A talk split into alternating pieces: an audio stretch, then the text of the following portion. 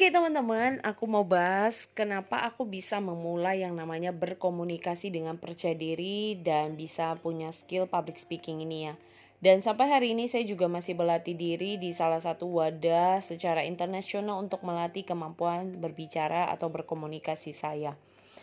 Nah, teman-teman yang mau saya uh, sampaikan kepada Anda para listener yaitu bagaimana sih cara kalau buat Anda yang hari ini tidak bisa berbicara mungkin di depan banyak orang it's okay bukan harus berarti memaksa diri.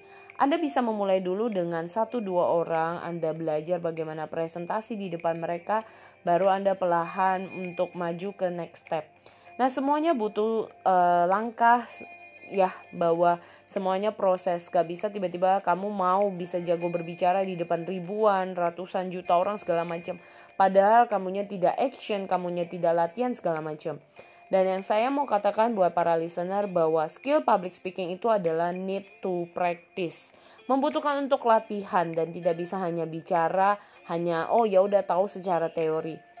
Makanya kenapa belajar public speaking, belajar berkomunikasi itu selalu have fun. Kalau orang yang masih terbeban itu agak susah. Jadi kita selalu tidak pernah memaksa seseorang untuk mau belajar kalau mereka tidak dari hati mereka sendiri untuk mau mencoba karena semuanya butuh proses semuanya juga perlu action. Gak bisa yang hanya bilang oh saya udah confidence tapi seconfidence apa? Bagaimana cara anda berbicaranya body language-nya gerakan segala macamnya jadi buat teman-teman para listener yang saat ini masih punya uh, sedikit minder nervous yang tidak bisa anda wajib untuk berani mengambil keputusan untuk melatih diri Anda karena kalau Anda tidak melatih dari diri Anda siapa lagi yang akan menolong Anda untuk bisa keluar dari keadaan itu.